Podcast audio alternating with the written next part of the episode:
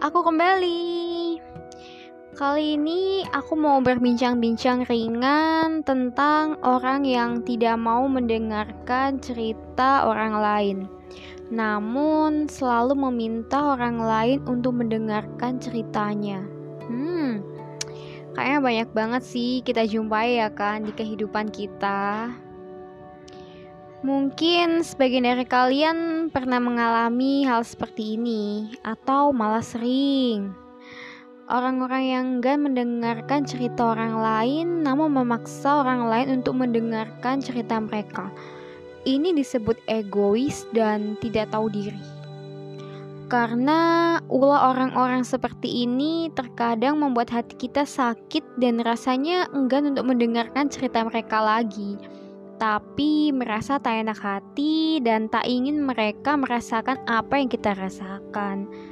Hmm, jadi kita berada di posisi yang, aduh, gimana ya, sulit ya kan? Naif memang, namun mau bagaimana lagi? Kita tak pernah sampai hati untuk memaksa orang lain mau mendengarkan cerita kita. Apa mungkin kita ditakdirkan untuk menjamkan telinga kepada orang lain tapi orang lain enggan meminjamkan telinga kepada kita. Hmm, diajak bergantian untuk mendengarkan cerita satu sama lain pun enggan.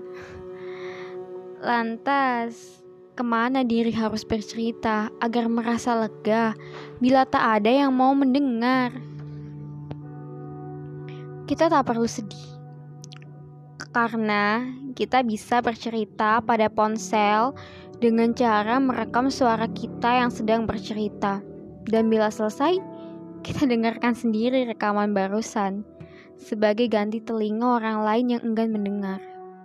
Meski tak ada yang menanggapi, setidaknya perasaan kita merasa sedikit lega.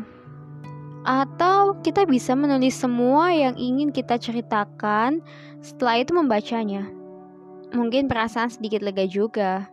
Tak hanya itu, kita bisa menceritakan semua cerita kita kepada yang Maha Mendengar, Tuhan yang Agung. Tuhan tidak langsung merespon cerita kita. Setidaknya kita cukup tahu diri bahwa masih ada yang mendengar cerita kita. Dan respon Tuhan akan kita terima di waktu yang tak disangka-sangka. Dan bukan berarti tak ada satupun orang yang mau mendengarkan cerita kita. Kita adalah orang yang buruk, orang yang hina, ataupun orang yang tidak berharga. Tidak, hanya saja kita belum menemukan orang yang tepat untuk mendengarkan cerita kita, karena tidak semua orang di sekeliling kita itu orang yang tahu sopan santun dan balas budi.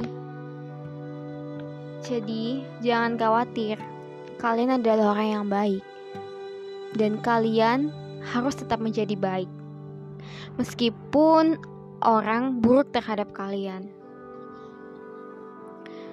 Bercerita pada Tuhan akan membuat segala rahasia kita aman dibanding bercerita pada manusia kita balik ke topik ya. Lupa banget nih ngasih tahu kalau kita bakal balik ke topik. Oke, okay, di samping tak ada yang mau meminjamkan telinganya, mereka juga penyebar berita yang sangat mahir.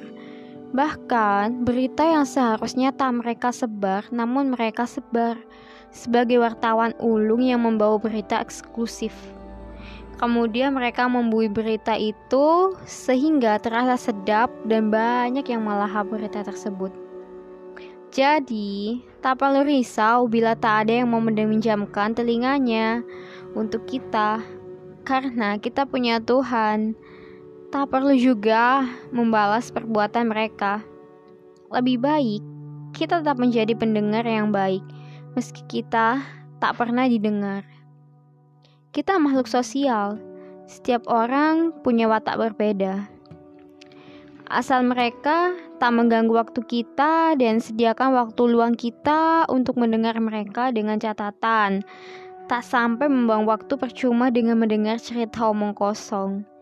Bila dirasa mengarah ke hal yang tidak penting atau merugikan waktu kita, kita bisa langsung berpam berpamitan dengan memberi penjelasan yang logis dan tidak menyinggung.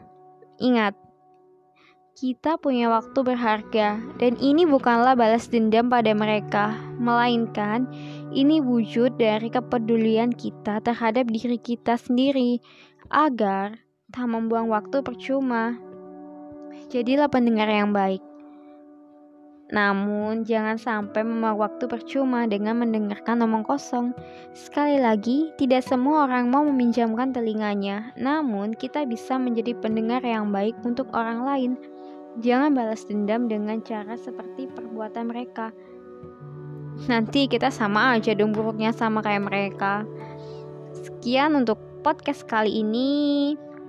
Sorry banget, mungkin aku terlalu bersemangat, jadi ada kata-kata yang mungkin kalian gak paham. So, kalian bisa tanya langsung ke aku dengan langsung ke Instagram aku yang udah aku tulis di bio Spotify.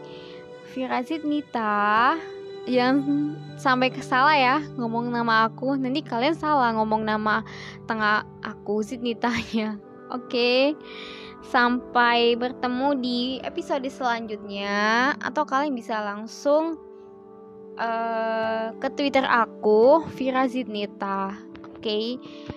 Sama aja sih ya kak di DM Instagram. Oke terserah kalian sih kalau mau bincang-bincang secara langsung sama aku bisa banget di sosial media aku. Oke. Oh iya lupa banget. Sosial media aku namanya sama kayak nama podcast aku ya Vira Zidnita oke. Sampai bertemu di next episode. Dadah. Terima kasih telah mendengar